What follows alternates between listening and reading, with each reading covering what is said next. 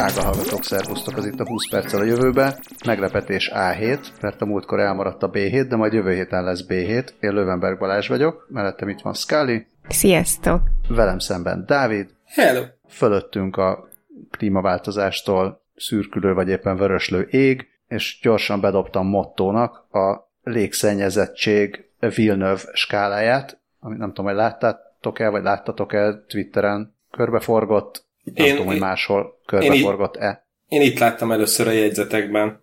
Én is. Na, a Denis Villeneuve filmrendezőről elnevezett légszennyezettség mutató skála, más néven a Milnöv, azt mutatja, hogy hány Milnöv a levegő szennyezettsége, az szerint, hogy az ég melyik Villeneuve filmnek, filmnek felel meg, kezdődve az Arrival, vagyis érkezéstől a Szikárion és a Dűnén keresztül egészen a Blade Runner 2049-ig, aminek az alcímét Scully határozta meg.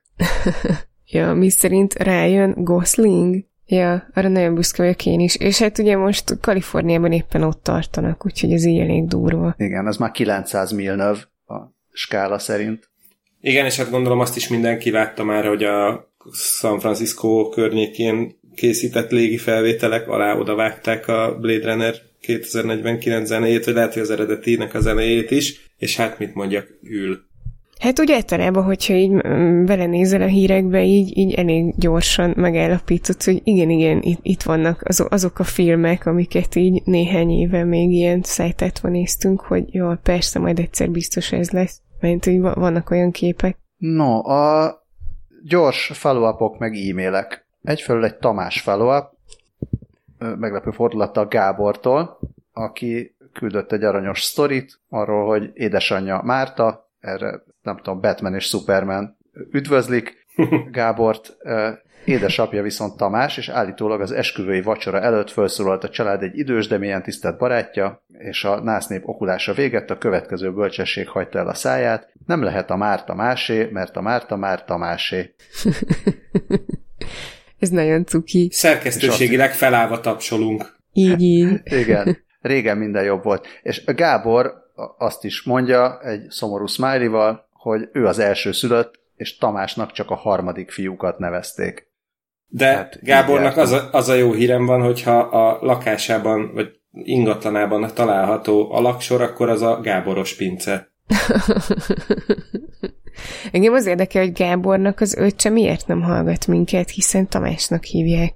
Hogy képzeli? Azt, azt nem tudjuk, hát, hogy nem hallgat nem minket. tudjuk, hogy van-e. Ja, hogy nem, nem tudjuk, hogy nem ja. hallgat, meg nem tudjuk, hogy van-e. Hát sőt, lehet, hogy rengeteg Tamás közül ő az egyik, aki beír, csak Gábor ja, nem akarta ja, így jó, autolni. Okay. Ja, jó, akkor oké. Okay. Egyébként minden kedves hallgatónk tiszteletbeli Tamás. Szóval... így, így. Simi is tiszteletbeli Tamás, aki nekem írt, hogy mekkora kihagyott zicser volt, hogy a múlt héten beszéltünk arról a cuki robotról, aki alkohollal működik, és elviccelődtünk azon, hogy milyen lehet, amikor így ő kér az ismeretlen emberektől pénzt az utcán, és, és szólt Simi, hogy de hát, hogy itt mekkora kihagyott zicser volt, hogy nem mondtuk, hogy koldus bot. Be kell látnunk, hogy Siminek igaza van. Igen, köszönjük Simi, de hát ezért vannak a hallgatók, meg a jó barátok, hogy szóljanak, hogyha valami ilyesmit kihagyunk.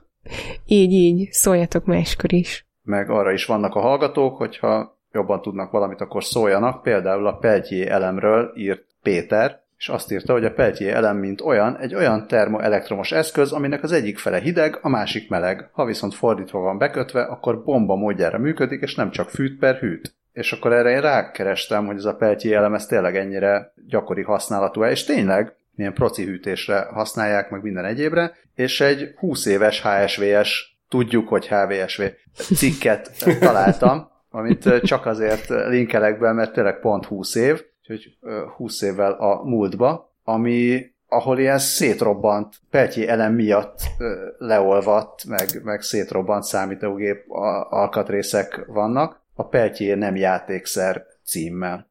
Csű. Igen. Akkor, le, akkor lehet, hogy az ilyen első generációs robbanós mobiltelefonok, vagy okostelefonokban is ilyen volt? Vajon? Hát azt nem tudom. Én, én ezt De... most csak így az éterbe kérdeztem, hogy majd kedves Tamás nevű hallgatóink, akik lehetnek Sándorok és Aniták is, majd megírják a választ. Minden esetre a Peltjé nem játékszer, írja a HVSV. És ez mennyire durva, hogy már 20 éve volt HVSV? Nem, vagy csak nekem durva? Nem. Na, a másik durva az az, hogy milyen durva gyorsan ki tudják rakni egyes emberek a Rubik kockát. Beszéltünk Rubik kockáról, meg versenykockáról, és régi kedves hallgatópárosunktól, Réka Barnabástól, jelen esetben Barnabás megnyilvánulási formában kaptunk egy kocka follow amiben azt írja Barnabás, hogy ő nagy Rubik kockás volt gimis korában, és még versenyen is volt, és ilyen 10 másodperc körüli eredménye volt a legjobb, ami, ami nagyon menő és azt írja, hogy nem mindegyik versenykockának nagyon kerek a középső eleme, például az övének csak a sarkai vannak picit nyesve. Csatolt a képet is, amiről nem csatolt képet, az új cicájuk Kesu, aki csatlakozik a 20 perccel a jövőbe kisállat hallgatói köréhez, és kérdezik, hogy nyomár milyen fajta, milyen fajta nyomár. Nyomer, faj, nyomer egyszerű házi cica, de ez szerintem egy ilyen kicsi párduc, vagy valami ilyesmi lehet benne, mert hogy sokkal nagyobb, mint, mint az átlag házi cicák, nem csak széltében, hanem hosszában is. Meg azt, azt is írták, hogy Kesú üdvözli nyomert, amin én itt tökre meghatódtam, és nagyon cuki volt, és el akartam mesélni, hogy az édesapáméknak volt egy autójuk, amit Kesúnak hívtak, mert olyan, olyan színe volt. Úgyhogy a mi családunkban is volt Kesú, de már nincs. De Kesunak um, hosszú életet és sok boldogságot kívánok Barnabásék családjában. És akkor ezúton, itt vagy e- ezen a ponton kell megjegyeznünk, hogy Nyomár főszereplésével elkészült a 20 perccel jövő belső hivatalos mémje is. Úgyhogy kérlek, kérlek, Scully, hogy majd a jegyzetekbe helyezd el, hogy, hogy a drága hallgatók és Kesu is megcsodálhassa. Ja, mindenképpen, oké, okay, mert mm, adás után oda teszem.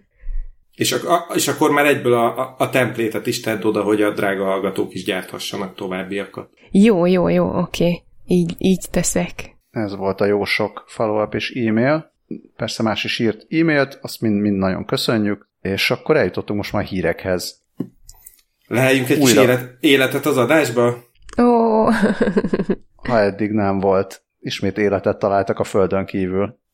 Így van, ez ez az eddig még nem ö, említett hétfői hírek című rovatunkban jelent meg, ami ugye a szerdai híreinket már ismerik a drága hallgatók, ezek pont azok, amikről az adás fel, ke, felvételének keddi napja miatt pont lemaradunk.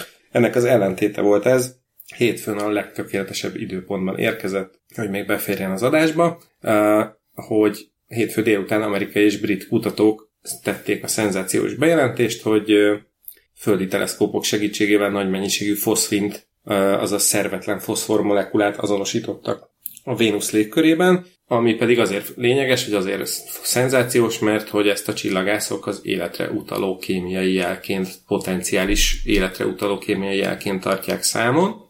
Ugye hát a Vénuszt már, már nézegették a, a csillagászok korábban is, már Carl is utalt rá, hogy, hogy elképzelhető, hogy a Vénuszon éljenek ilyen oxigénmentes környezetben élő mikrobák. Hát ő, uh, ő azt mondta, vagy hát nem csak a Carl Sagan, hanem korábban azt feltételezték, meg hát most is gondolnak ilyesmire, hogy bár a Vénuszon, legalábbis ott a felszín környékén egészen pokoliak a körülmények, a hiszem kénsav esőtől kezdve a majdnem 500 fokos hőmérsékletig van ott minden, meg, meg nagyon durva nyomás, tehát ott biztos nem, viszont följebb a, az atmoszférájában, ilyen 50-60 km környékén egészen jó az idő. És akkor ezért gondolok most nem földi körülmények között, de legalábbis hőmérsékletileg, meg nyomásilag, és, és arra gondolnak, hogy esetleg ott élhet ilyen mikroszkopikus szintű élet, mikrobák vagy ilyesmik. Igen, igen, igen.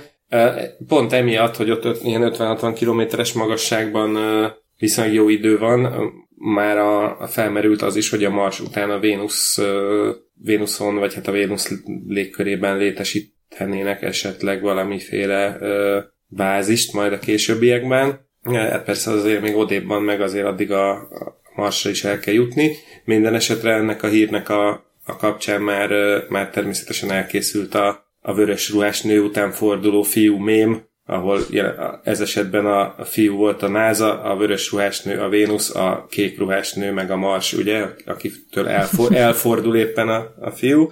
Uh, úgyhogy hát akármi is van, mindenképpen izgalmas a dolog, uh, és még az is van, hogy ha ha mégsem a kis Vénusz lakók eregetik ezt a foszfingázt, akkor, akkor is az van, hogy legrosszabb esetben is ö, olyan kémiai reakciókat fedeztek így fel, ami, ami a Földön nem, ö, nem volt eddig ismert. Úgyhogy akármi is van, ez mindenképpen egy fontos és izgalmas bejelentés volt. A, az XKCD a hétfői hírhez egy hasonlóan jól időzített Vénuszon találtak életet képregény darabkát készített most, vagy hát nem, nem tudom, talán ez is hétfői, ahol hát ez nem ilyen infografika, hanem nem, nem is tudom mi. Tehát ez a kilenc, kilenc kis rajzocska, két koordináta mentén, az egyik koordináta az a mennyire erős bizonyítékot találtak a földön kívüli életre, ugye a gyengétől a, a nagyon erősig, és a másik koordinátán pedig a, a reakció a nem elég óvatostól a túl óvatosig, és akkor ennek a közepén van, ugye az ígéretes bizonyíték és a megfelelően óvatos reakció az, hogy, hogy találtunk olyan molekulákat, amik lehet, hogy az életre utalnak, de az is lehet, hogy valami fura, még ismeretlen kémia eredményei, és akkor ennek a különböző vicces variációi, úgyhogy ezt is bedobjuk a jegyzetekbe. Hát itt persze azt mondják, hogy igen, a földi környezetben ezek a molekulák jellemzően a organikus eredetűek, vagy hát olyan eredetűek, baktériumoktól származó folyamatok eredményeként keletkeznek ilyen mennyiségben. A naprendszerben amúgy a, talán a Jupiter légkörében van hasonló molekula, de ott olyan hőmérséklet és nyomás uralkodik, ami a Vénuszon nem, és ráadásul ez a, a Vénuszon úgy tűnik, hogy még nagyobb mennyiségben is keletkezik, tehát ezért kezdtek el azon fantáziálni, hogy húha, mi lehet itt. Ja, hát nagyon kíváncsian várjuk a fejleményeket, és azt, hogy Elon Musk mikor indít el egy Teslát a Vénusz felé. Hát az is lehet, hogy, az is lehet, hogy érdemes előtte nagyobb számításokat elvégezni. Persze nem valami akármilyen kompjúterrel. Egy csúcsmodellre gondolsz? Ö, igen, a, egyébként furcsa számomra egy kicsit, hogy egy, még csak most mm, kaptunk ilyen hírt, de a lényeg az, hogy szeptember 1-én számolt be a az Elemental nevű című médiumon egy Thomas Smith, egy Tamás. Igen, ezt akartam mondani, hogy ezt szintén Tamás nevű hallgató is beküldte, amellett, hogy mi is észrevettük, de ráadásul egy Tamás nevű újságíró írta. Így van. Szóval a hír az, hogy a, a hát én azt hiszem, hogy a számít szuper számítógép az most jelenleg a világ talán leg izmosabb szuperszámítógépe, aztán lehet, hogy már Kínában három másikat is építettek helyette, mindegy, nem, nem lassú a cucc, ezt a szuperszámítógépet a Tennessee Oak Ridge National Laboratory munkatársai ráeresztették a koronavírusra, egészen pontosan 17 ezer mintából származó több mint 40 ezer gént elemeztettek a számíttal, hogy jobban megértsék a COVID működését, Ebben az is beletartozott, hogy két és fél milliárd gén kombinációt is végignézett a, a, a vas, kicsit több mint egy hét alatt, és ebből sok érdekesség derült ki. Dr. Daniel Jacobson volt a kutatás vezetője, és ő számolt be a, arról a heuréka pillanatról, amikor rájöttek, hogy hogy a koronavírus milyen hatással van a testre, ezt bradykinin hipotézisnek nevezték el, ami magyarázatot ad a, a koronavírus néhány bizarr tünetére, illetve több mint tíz olyan potenciális kezelést is javasolt, ami, ami működhet, és ezek közül már több az FDA, azaz az amerikai élelmiszer és gyógyszer felügyelet engedélyezési folyamatán esik éppen át, és akkor hát itt írnak egy kicsit arról, hogy hogy, hogy működik a, a fertőzés, a, ilyen mindenféle receptorok és hasonlók ö, együttműködésével. Ezzel én most nem feltétlenül untatnám a drága hallgatókat. Ö, Rendkívül hosszan ír erről. Re, így van. Tamás. Ö, szerencsére van itt a, egy kiemelés a médiumon, ahol, ami tökéletesen közérthető módon leírja, hogy hogy működik a koronavírus fertőzés. Úgy kezd elképzelni, mint egy betörő a, besúrran a, a nyitva hagyott második emeleti ablakon, és elkezdi szépen kirámolni a házat, de, de nem csak ellopja a cuccokat, hanem miközben pakol, közben további ablakokat is kinyit, amint beugrálnak a, a haverjai, és akkor jó gyorsan ki tudják pucolni a, az egész kérót. Na hát valahogy így ö, veri át a szervezetet a, a koronavírus, és veszi rá, hogy, hogy olyan receptorokat, hát végül is így talán programozzon át, talán az a, az a legegyszerűbb magyarázat, hogy, hogy még több helyen tudjanak a vírusok megtapadni a, a szervezetben.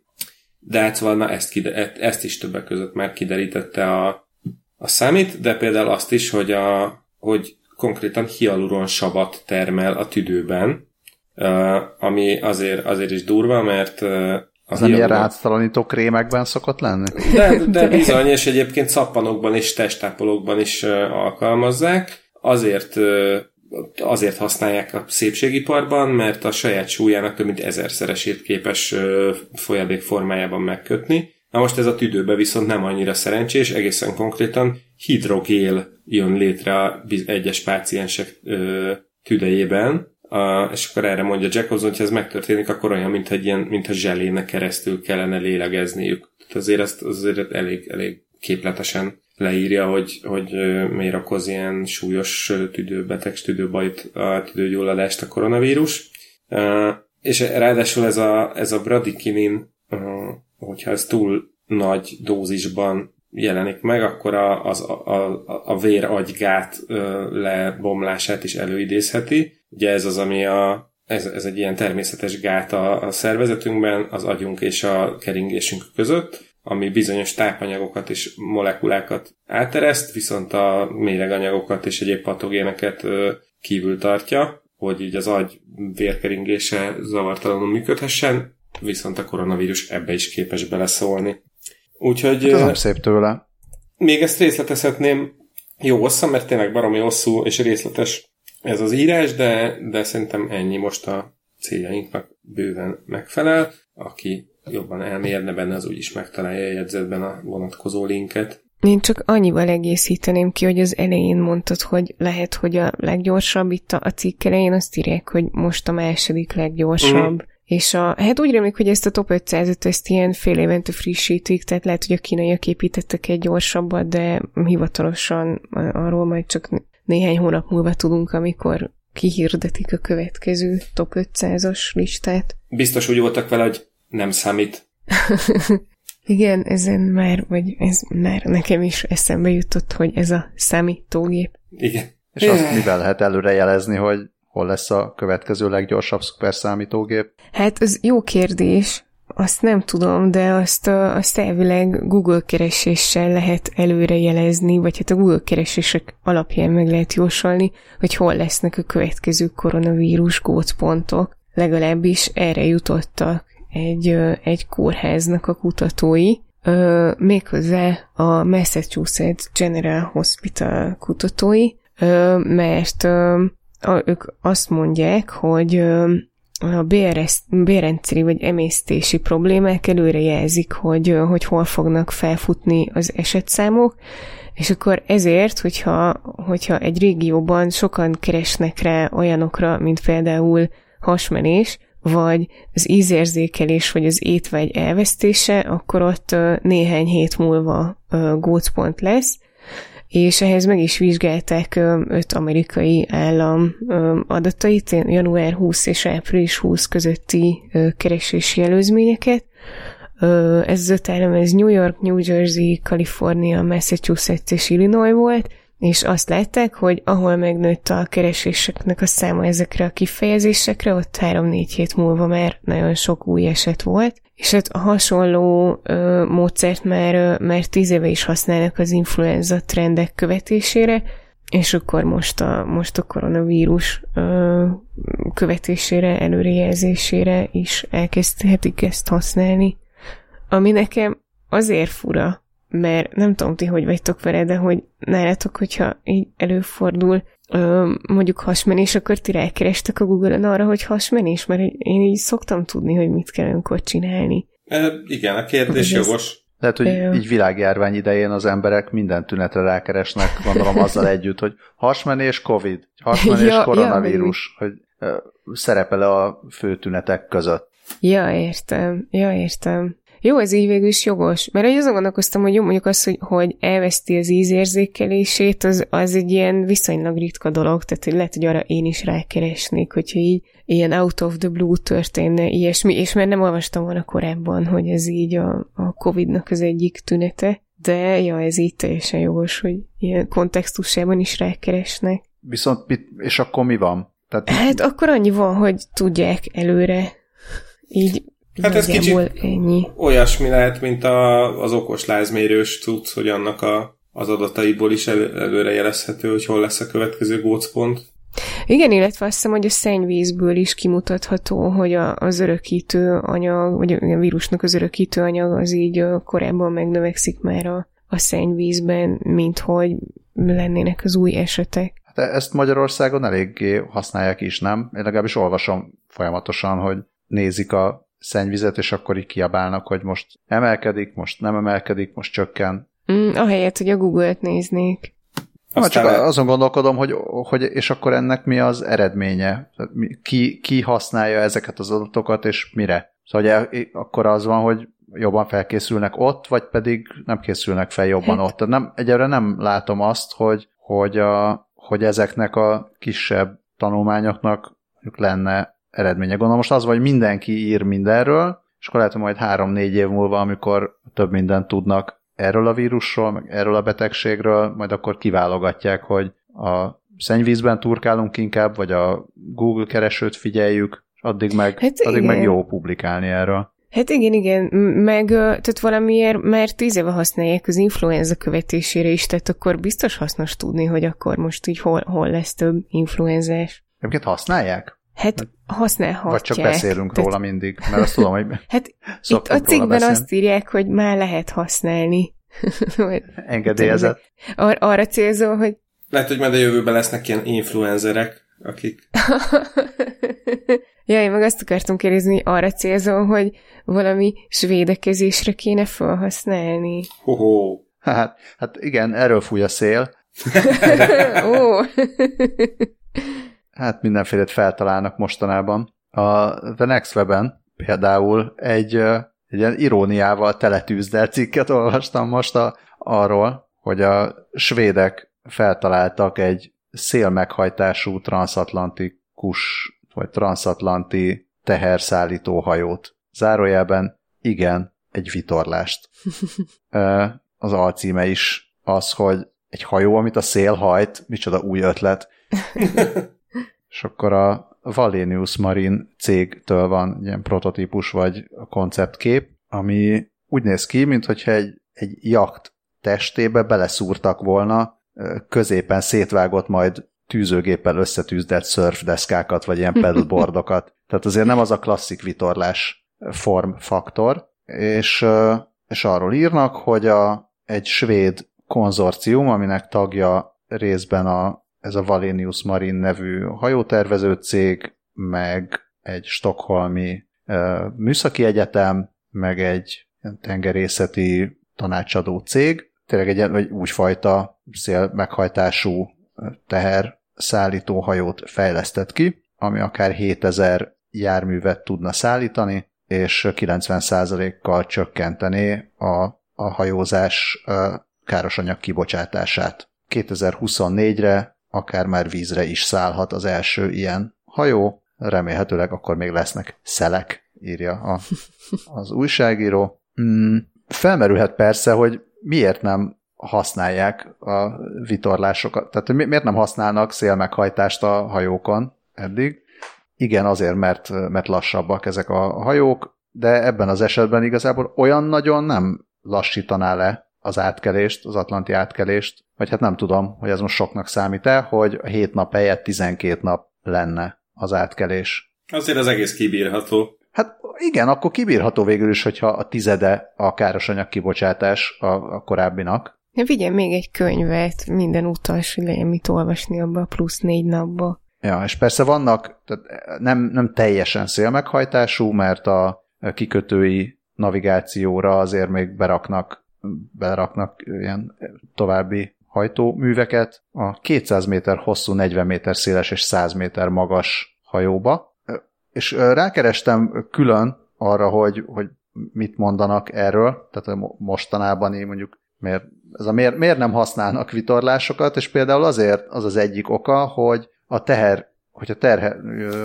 nagyobb konténereket vagy akármiket szállítanának vitorlással, akkor amikor kipakolják a hajót, üresen lehet instabilá válna, és lehet, hogy felborulna az, a, oh. az a hajó, ami mondjuk teherrel megrakodva nem borul fel. Egyébként ez tök érdekes, mert én még úgy gyerekkoromból emlékszem egy rajzra. Nem emlékszem, hogy miben, meg hol láttam, de abban már ott írták, hogy na majd ez lesz a, a következő nagy újdonság, hogy a, a teherszállító hajókra majd nagy vitorlákat fognak tenni. És akkor nem egészen így nézett ki, mert, mert akkor ez egy ilyen klasszikus teherhajó, alakú teherhajó volt, de, de a vitorla rész az, az már ott is adott volt, és már ott is rájöttek, hogy hát az nem olyan vitorla lesz, mint a balatoni vitorlások, hanem valami nem tudom, műanyagból, vagy kevlárból, vagy ilyesmiből álló cucc. Hát izgalmas hangzik. Én azt gondolom, hogy most, hogy, mert ugye ezt kifejezetten autószállítónak szánják ezt a cuccot, a WPCC, Wind Power Car Carrier, bár ha már ránk lett szóval kihagyott zicser miatt, akkor ez egyszerűen a Carrier lehetett volna, azt, azt jó, jó napot kívánok. E, és hát ugye azt írják, hogy 7 ezer darab autó fér el rá. Én azt gondolom, hogy azért ilyen mennyiségnél az a plusz 5 nap azért az tényleg egy kibírható és tervezhető valami. Uh-huh, pontosan. Hát, hogyha most összehasonlítod a színrevárók, mennyit vártak a, nem tudom, Merkurnál. Na így van. A, az öreg, öreg hallgatókhoz szólok. Tényleg ezeket, hogyha azt mondja, 30, mondjuk 35, 30, nem tudom, mondjuk 30 évnél fiatalabb hallgatók.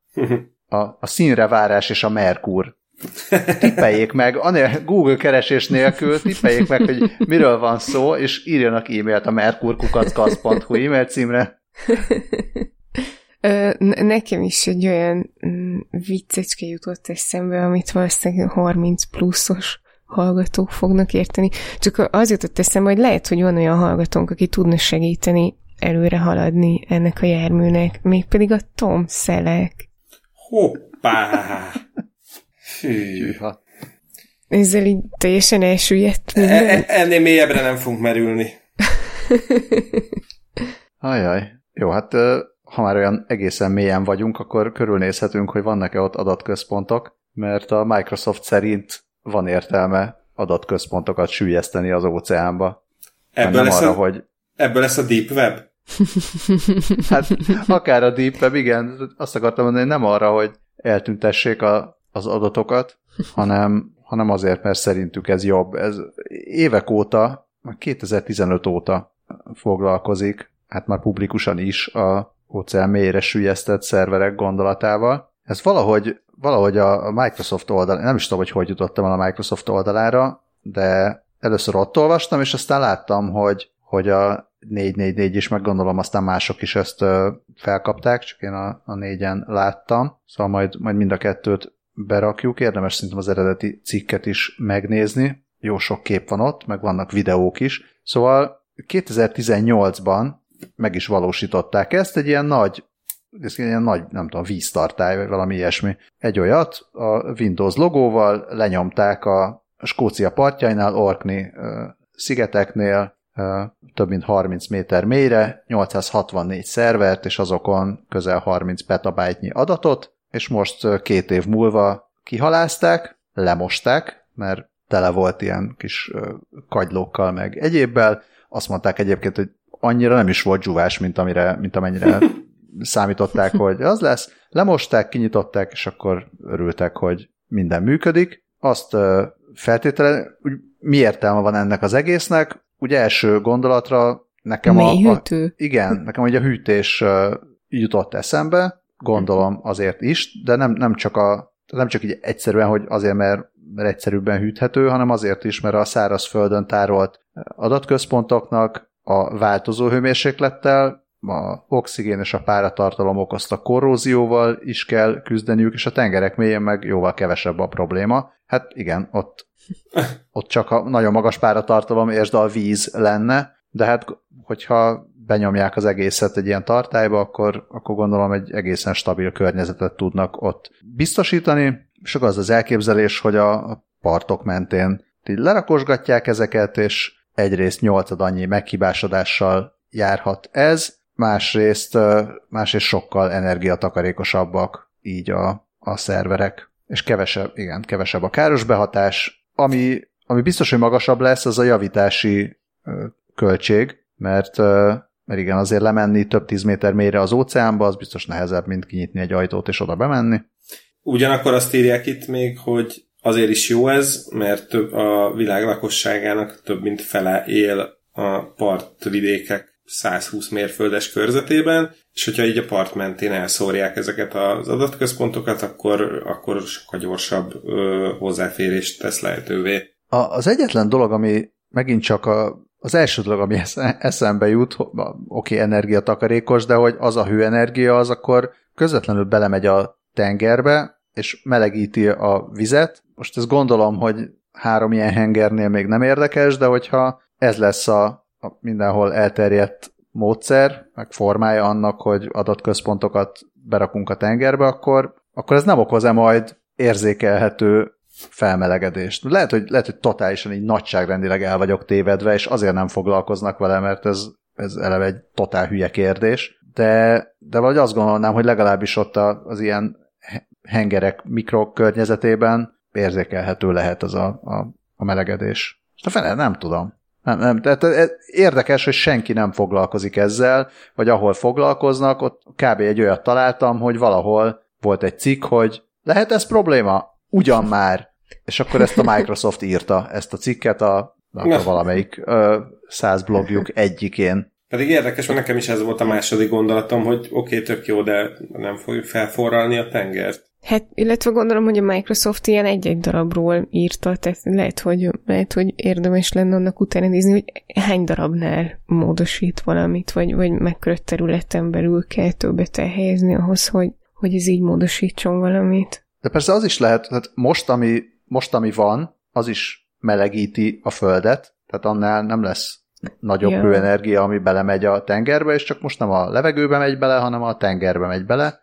Én ezt nem, nem tudom kiszámolni. Tehát ha esetleg a szuper számítógép hozzá tud ehhez járulni, és meg tudja mondani, hogy ez értékelhető változást okoz, vagy nem, az tök jó lenne. Vagy legalább találnánk egy olyan cikket, ami ezzel foglalkozik, és azt mondja, hogy, hogy nem, mert csak nem tudom, 200 év múlva fogunk annyi energiát termelni, hogy ez bármilyen szinten is megemelje az óceánok hőmérsékletét. Reméljük, hogy a, ezek a szerverek, ezek nem használnak majd annyi energiát, mint amennyit az NLC oldala, ami mi alatt itt beszéltünk, újra töltödött, és azt mondta a browser, hogy újra töltödött, mert jelentős mennyiségű energiát használt az oldal. Amin arról írnak, hogy a magyar TikTok sztárja lett egy könyvtáros. De ne vedd el az újságírók munkáját előbb, vagy előbb, előbb elveszik az újságírók munkáját, nem?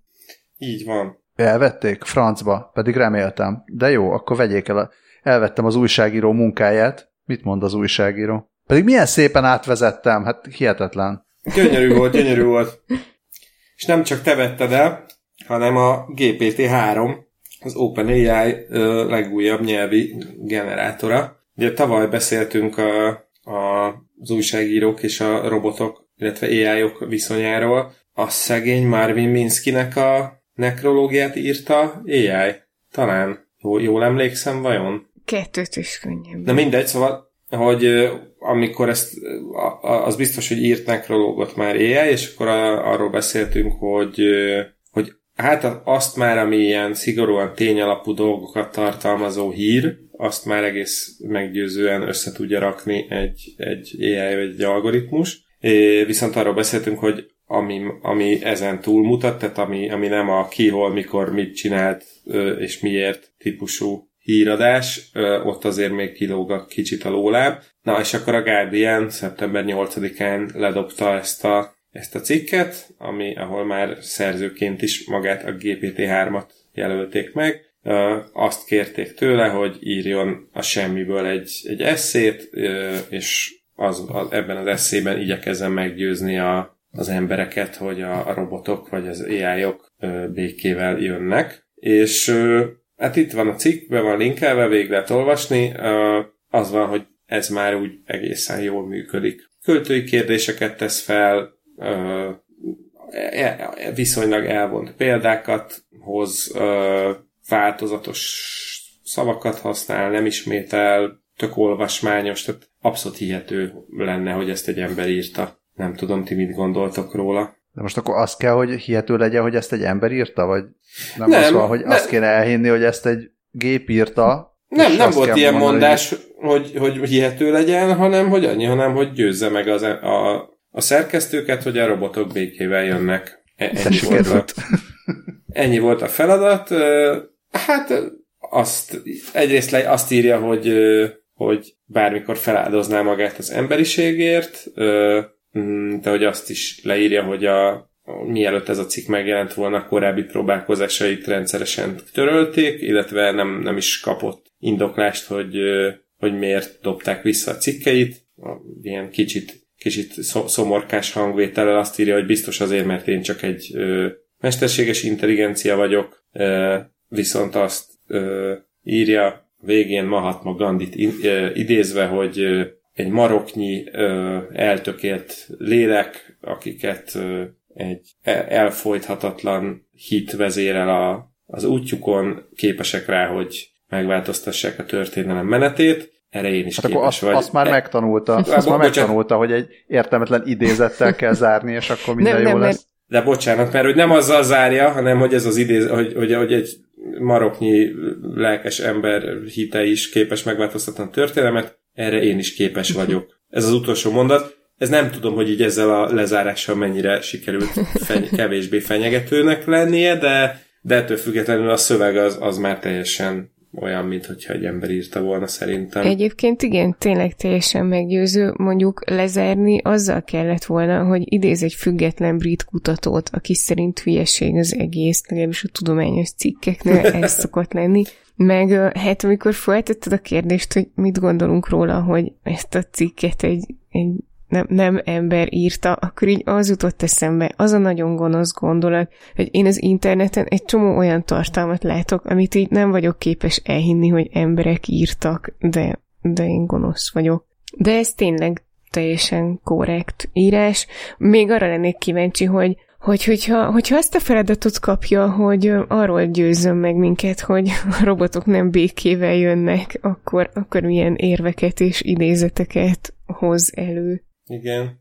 Pont ez, uh, illet... Pontosan ez jutott nekem is eszembe, hogy sokkal érdekesebb lenne egy ilyen promptot adni neki, mert most az, hogy győz meg, hogy nem bántasz, hát oké, okay, és ha nem hiszem el, de mi, mik lennének akkor az érveid, meg mi lenne akkor a megközelítésed, hogyha azt feltételezném rólad, hogy bántani akarsz. Tehát az, az izgalmasabb lenne, lehet, hogy ezt nem merték neki gondolatszinten hát, se lehet, hogy beadták, csak azt a, azt, a, azt a cikket nem közölték le, hanem átadták a nem tudom milyen illetékes hatóságoknak.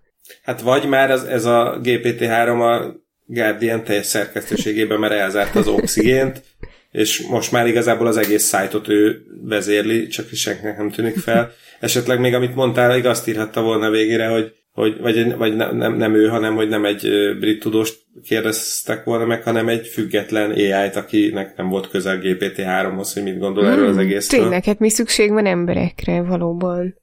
Ennyi. Ha jelennék a Guardian szerkesztősége, vagy főszerkesztője, akkor lehet, hogy azt a feladatot adnám meg neki, hogy győzze meg az olvasókat, hogy adakozzanak a Guardiannek.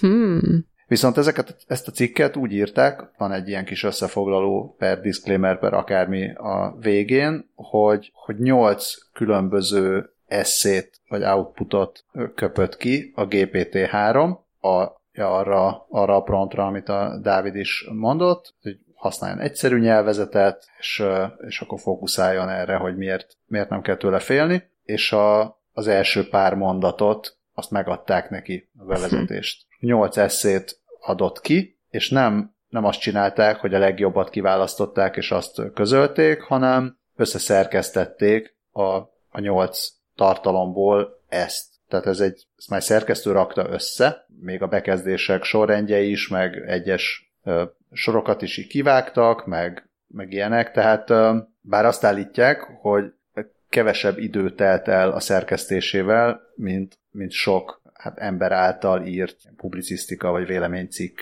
esetében. Ezt minden további nélkül el tudom hinni. Igen, de, de azért de azért szerintem az, hogy, hogy legyen egy, egy ilyen végigvezetett gondolati ív a cikkben, azt, azt gondolom, hogy ezen a ponton még a, a humán szerkesztők munkáját dicséri. Hát De azért hajrá, hajrá robot, vagy hajrá igen, AI. akkor az lenne még izgi, hogyha az eredeti kontentet is látnánk, és látnánk, hogy mennyit kellett a szerkesztőnek dolgoznia vele.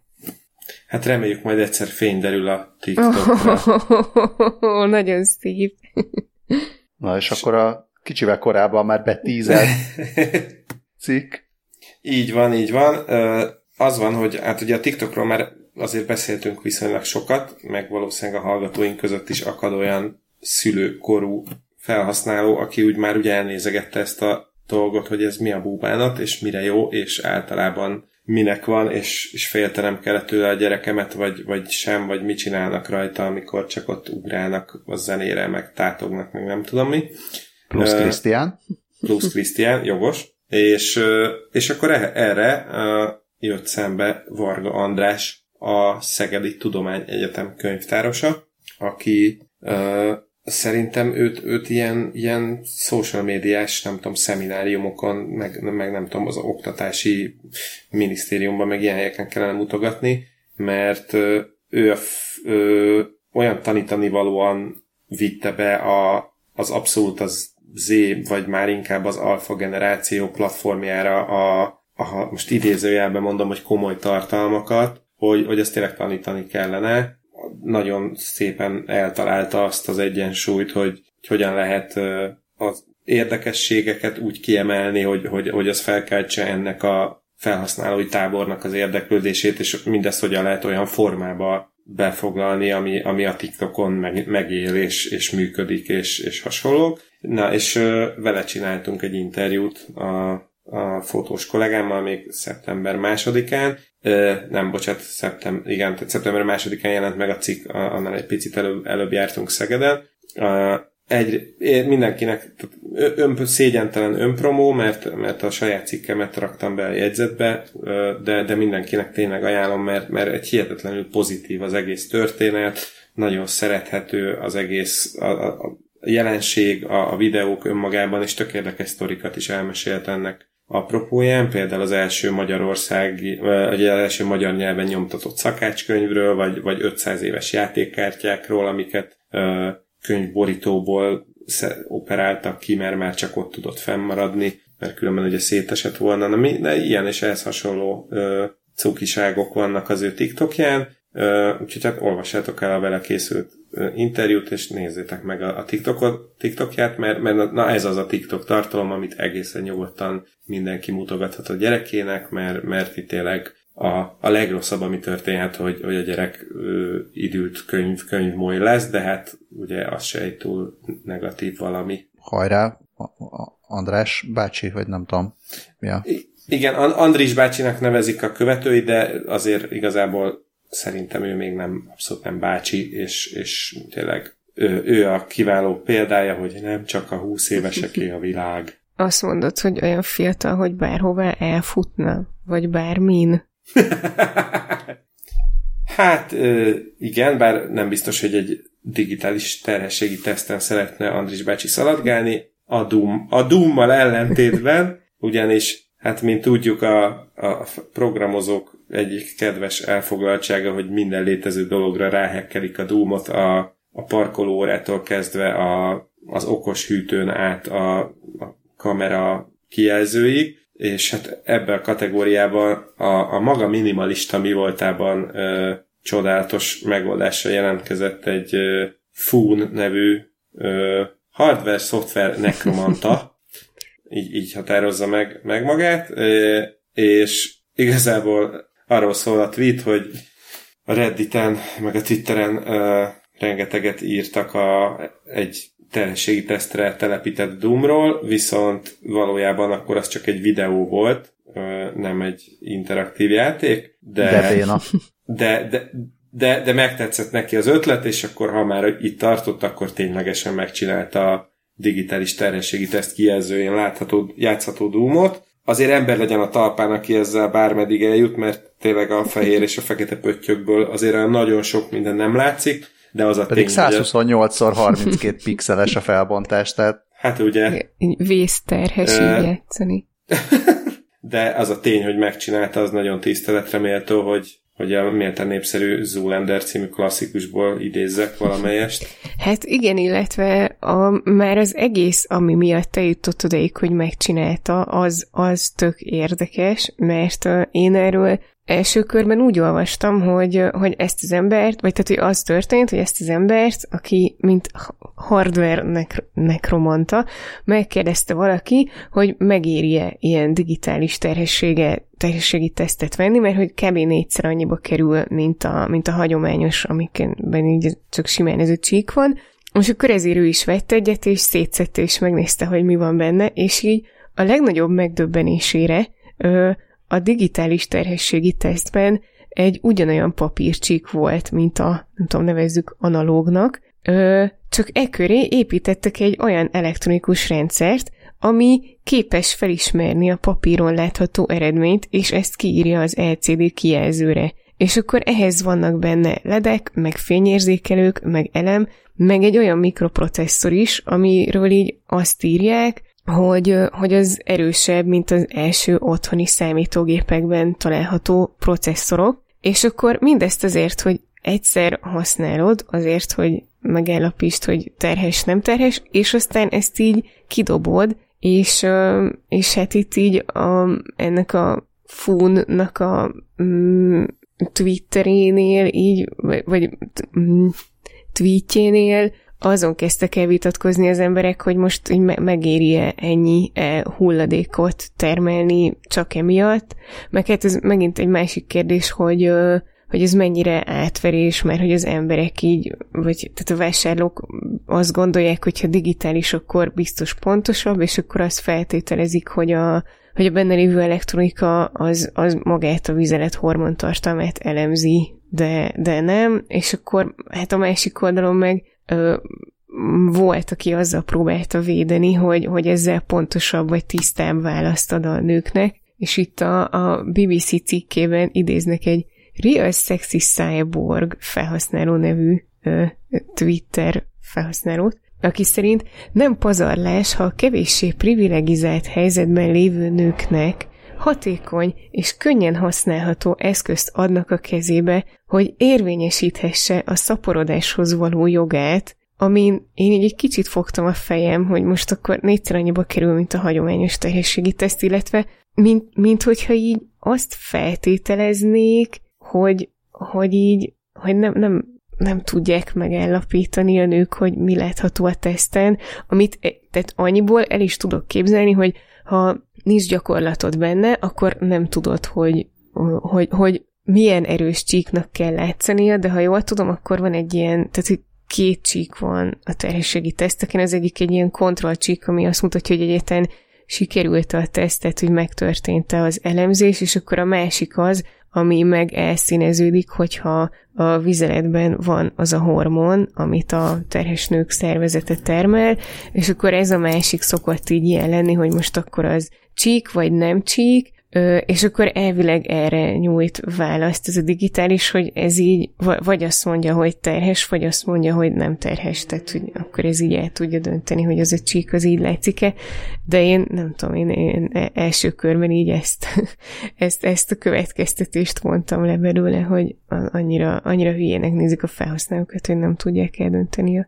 hogy az most csík vagy nem csík. És akkor ebből lett utána az, hogy ha már szétszette, akkor megnézte, hogy elfut rajta a Doom. Hát én szeretnék egy olyan nekromancerrel találkozni, aki az analóg terhességi tesztre felrakja a Doomot. Hú, ezzel is. Na, az vicces lenne. Azért mindenkinek ajánlom a Redditnek a Willitran Doom nevű fórumát, ez az e- R per Itrans Doom, ha így, így könnyebb meg, megtalálni ahol tényleg elképesztő megoldásokat lehet látni. Illetve, eh, ha már itt tartunk, akkor a Netflixen most eh, elérhető a High Score című dokusorozat, ami a videójátékok fejlődéséről szól, amit jó szívvel ajánlok mindenkinek, mert baromi érdekes sztorik vannak benne. Pont tegnap néztük meg az utolsó epizódját, ami, ami már a Doom, Doom-nak a hódításáról szól, és hát az, az is nagyon érdekes, hogy egy, eleve egyáltalán a Doom-ot hogyan állították elő a az akkor még fiatal, ma sem kifejezetten öreg John, John Romeroék. És akkor te hitelt adsz az ilyen plegykáknak? Ó, ho, ho, ho, ho. Ki, ki játszottam az hogy, ja, ütőkártyát? Na igen, annyi, a, úgy annyira akkorát ütött, hogy nem is, nem is tudtam írtani, hogy mi van, igen. Igen, hát hölgyeim és uraim, 2020. szeptember 15-ében megérkeztünk a Black Mirrorba, és elértük a kapitalizmus csúcsát is, ugyanis a, az Instagram és további uh, pénzemberek támogatásával elindult a Karát nevű hitelkártya, ami, ami egy egészen különleges valami, ugyanis kifejezetten influencereknek készült, és azt tudja, hogy azon ahhoz igazodik a hitelkeretet, hogy mekkora a követőtáborod, vagy mekkora az engagemented. Ennek az a magyarázata, vagy az a, az a megoldása, hogy, hogy vannak ugye azok a, az amerikai influencerek, akik így simán behúznak két-három millió dollárokat évente, viszont nem igazán van nekik konkrét munkájuk, vagy, vagyis így, tehát, hogy, hogy nem, nem tudják azt mondani, hogy én azzal foglalkozom, hogy nem tudom, játékokat csomagolok ki videón, és akkor ebből lesz rengeteg pénzem. Illetve hát nyugodtan mondhatják ezt, csak erre semmilyen banktól semmiféle hitelt nem fognak kapni. A, a Wired egy Spencer Donnelly nevű influencerről ír, aki a The Russian Badger nevű YouTube csatornát üzemelteti, közel 3 millió subscribere van már, viszont, viszont amikor a, szeretett volna hitelkártyát, akkor elhajtották a, a bankok, hiába mondta nekik, hogy ő azért ő azért egész szép pénzt össze tud kotorni egy évben, azt mondták, hogy jól van apa, kapsz egy 20 ezer dolláros hitelkeretet, aztán lehet tovább haladni. És akkor ezt Arra nem egy... tudja megvenni a céges lambót. I- igen, igen, igen. Meg a izé, Supreme pólót se a Coachella Fesztiválra. És akkor ő ezután jött létre ez a karát, aminek az első terméke a karát Black Card, ami, ami, ami mennél már eleve 50 ezer dolláros hitelkeretnél indul, és, és ilyen, mint a, mint a videójátékokban ilyen pörkök vannak, amiket mindenféle módon be lehet váltani. Például a, aki gamer, az, az a streaming szolgáltatásokatból tud pénzt visszakapni, a ilyen szépség, beauty influencerek termékvásárlásnál kapnak kedvezményeket és hasonló, és egyébként a, a mindenkori hitelkereted meg attól függ, a mindenféle ilyen social metrikáktól függ, hogy szépen fogalmazzak, és, és ennyi. Tehát ez itt a, a nagy újdonság. És akkor itt majd a mikroinfluencerek látják ennek a kárát? ja, ja, ja. Ezen is gondolkoztam. Meg azon is, hogyha egy ifjú influen- influencertől akarod megkérdezni, hogy van-e neki ilyenje, akkor azt kérdezed, hogy karat-e kölyök? Jaj, és bármit megvehetsz, minden csak a karat kérdése. Na, de többet szerintem erről csak akkor beszélünk, ha küldenek nekünk is Karát Black-et. Úgyhogy ne csámcsogjunk már tovább ezen a témán. Hanem haladjunk tovább, és e- együk a pöttyöket. Hát igen. Igen, én egy picit még, yeah. picit még annyit akartam ehhez, aztán utána majd visszamehetünk a pac vagy nem tudom, kimehetünk a jobb oldalon, és visszajöttünk a bal oldalon, hogy, hogy ez szépen beáll abba a sorba, amiről nem is tudom, hogy beszéltünk-e, műsorban beszéltünk-e róla, vagy pedig, vagy pedig csak így személyesen beszéltünk-e róla, hogy, hogy szép lassan össze fog folyni, vagy hát lesznek ilyen kis kapcsolódási pontjai az új világnak, meg a régi világnak. Tehát persze a fintech az már nem újdonság, de az, hogy a pénzügyi szolgáltatások és, a, és ezek a nem hagyományos pénzkereseti módok valahogy így találkozzanak, mert, mert a hagyományos bankrendszer, vagy hagyományos ö, pénzügyi világ az nem szolgálja ki ezeket, a, ezeket az embereket, meg ezeket a bizniszeket, hogy korábban, vagy hát van, van is olyan ismerősünk, vagy ismerősöm, aki egy olyan cégnél dolgozik, ami a a felnőtt iparban dolgozó és interneten szolgáltató emberek pénzügyeit segíti, mivel hogy az van, hogy ilyen szolgáltatással te nem létesíthetsz, tehát ilyen szolgáltatásból származó bevételt, azt nem kezel semmiféle hagyományos bank, meg igazából a PayPal se, meg, meg szinte semmelyik ilyen online fizetőrendszer se. Tehát ha te mutogatod magad kamerán, meg egyéb ilyen hasonló szolgáltatásokat nyújtasz online, akkor a nagyon magas jutalékkal dolgozó ilyen Amazon ajándékkártyán kívül nem igazán lehet legális bevételed, és még ez is olyan fura. És akkor arra alakult egy, egy cég, hogy, hogy ők egy ilyen fizetési platform, ami kifejezetten ilyen szolgáltatásokra specializálódik. Hát ők végül is azt csinálják, hogy próbálják ezt a ezt az áthidalást, vagy ezt a, ezt a ilyen véragy korlátot, ami van a,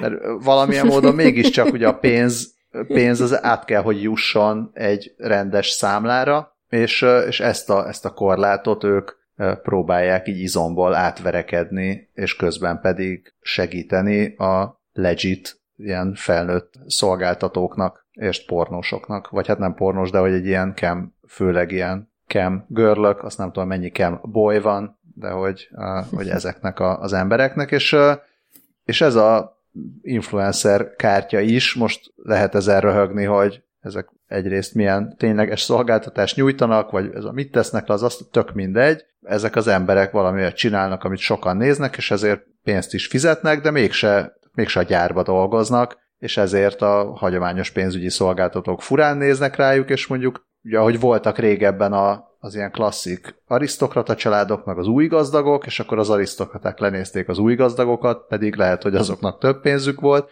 Most ugyanez van, hogy most ezek a, az influencerek az új gazdagok, és akkor lenézi őket mindenki, és mint hogyha így nem lenne jó a pénzük. Holott lehet, hogy egy darabig azért jó a pénzük, amíg ki nem durran ez a, ez a lufi, meg ez a buborék, és addig meg tök érthető, hogy, hogy az Instagram, aki maga is ezekből él, ad nekik egy ilyen lehetőséget ha esetleg tudtok még ilyen hasonló fringe lévő iparágakról, amik pénzügyileg szegények nincsenek rendesen kiszolgálva, vagy a pénzügyi szolgáltatók által, akkor írjatok róla nekünk, és mi meg majd beszélünk róla. És akkor remélhetőleg, ha már a, a felnőtt tartalmakat is megbecsülik a bankok, akkor nem lesz ilyen határozott részükről a kemelhárítás. Jaj.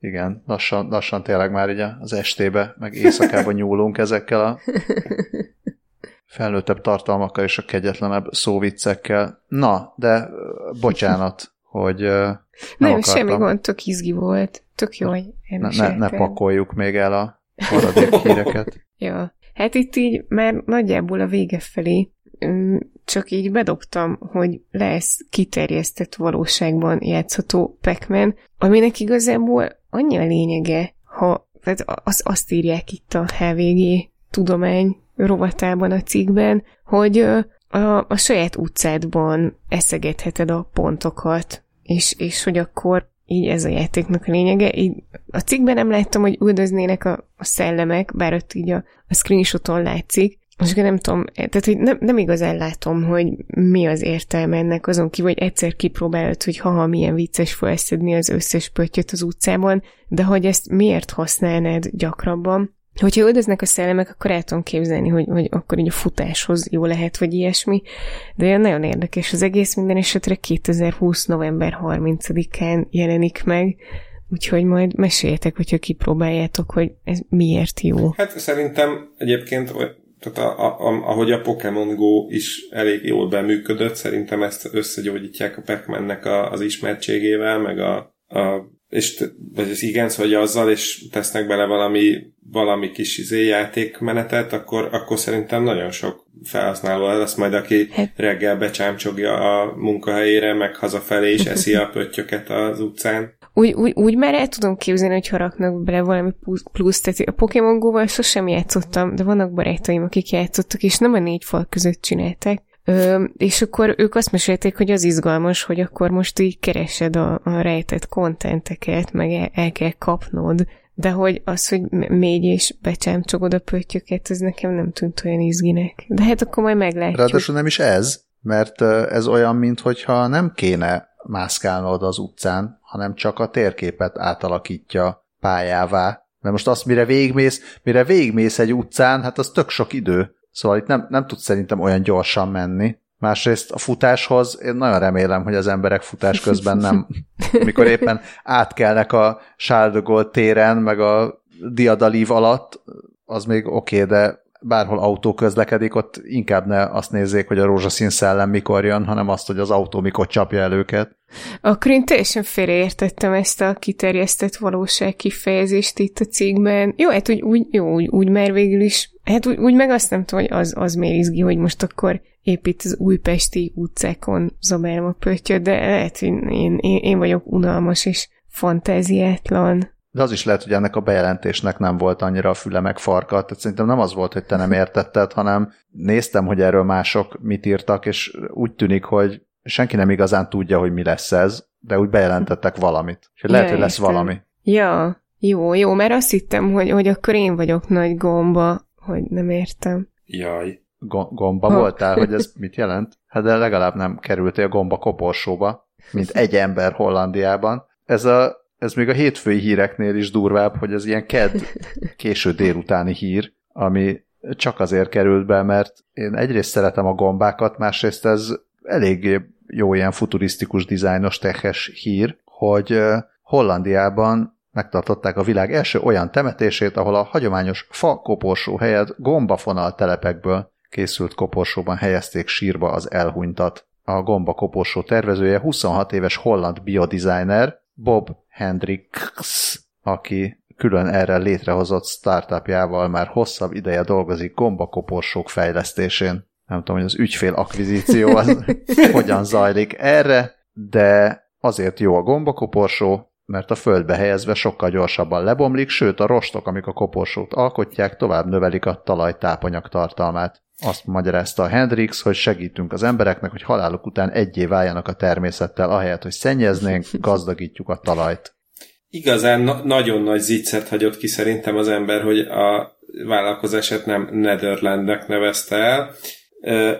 Ugyan, ugyanakkor egyébként tök menő ez a cucc, és ilyenből már volt, van egy hasonló, ami, ne, ami ne, abban is gomba van, azt hiszem csak az nem egészen így működik, de de hogy ez, ez, ez, ez alapvetően szerintem egy tök menő irány, hogy, hogy így temetkezzenek az emberek. Ez így szerintem mindenkinek jó, mert így megvan a, ez a temetési rituálé rész is, de, de utána meg, meg megvan az, hogy, hogy nem, most, így, most így tényleg ne, ne vesztessek, bár nem tudom, érzéketlennek, vagy nem tudom minek, de nekem furcsa az, amikor így tudom, 20-30-40 sok év, évvel később is kimászkálnak emberek sírokhoz. Nyilván mindenkinek szíve joga, meg, meg én senkitől nem akarom ezt elvitatni, csak nekem ez mindig is olyan fur, furcsa dolog volt, és akkor ez meg itt tök jó, hogy me, megvan ez a rész is, de, de idővel meg így eltűnik, vagy elfelszívódik, és akkor így visszakerül a természetes körforgásba, és a többi, és a többi. Úgyhogy szerintem ez, ez egy abszolút pozitív dolog, de hogy egy kis morbid, morbiditást azért ide tegyek a végére, mint elolvastam azt a címet, hogy a világon először gombakoporsóba temettek egy embert, nekem azonta a fejemben énekelnek a gót hupikék törpikék. Igen. A. A, a gombaházakban való lakás után ugye pedig hát ez lesz az egyenes következmény, de, de tényleg befejezem, mert, mert nem akarok itt senkit izé depresszióba dönteni. Hát nekem egy csak a gomba jó üzlet, vagy, vagy gomba üzlet. Point kell elsütnöm. Én azt nem, azt nem tudom, hogy ennek milyen esetleg uh, ilyen szabályozási akadályai lehetnek Magyarországon. Úgy nehezen tudom elképzelni, hogy bejelenteném a temetőbe, hogy jó napot kívánok, én majd akkor jönnék a gombakoporsommal, és akkor lesznek szívesek azzal berakni. Tehát lehet, hogy, lehet, hogy azért ilyen, nem tudom, ilyen közegészségügyi vagy akármi problémázások vannak, amit nem, nem azt mondom, hogy ennek értelme van, csak hogy lehet, hogy ez nem menne olyan simán mint Hollandiában, ahol biztos kevesebb probléma van a gombákkal. Igen, biztos kell majd ennek valami ilyen szabályozási háttér, meg nem tudom, lehet, hogy akkor majd kijelölnek olyan földparcellákat, ahol ezt lehet csinálni, meg lesz olyan temető, ami gombabarát, meg ami nem az.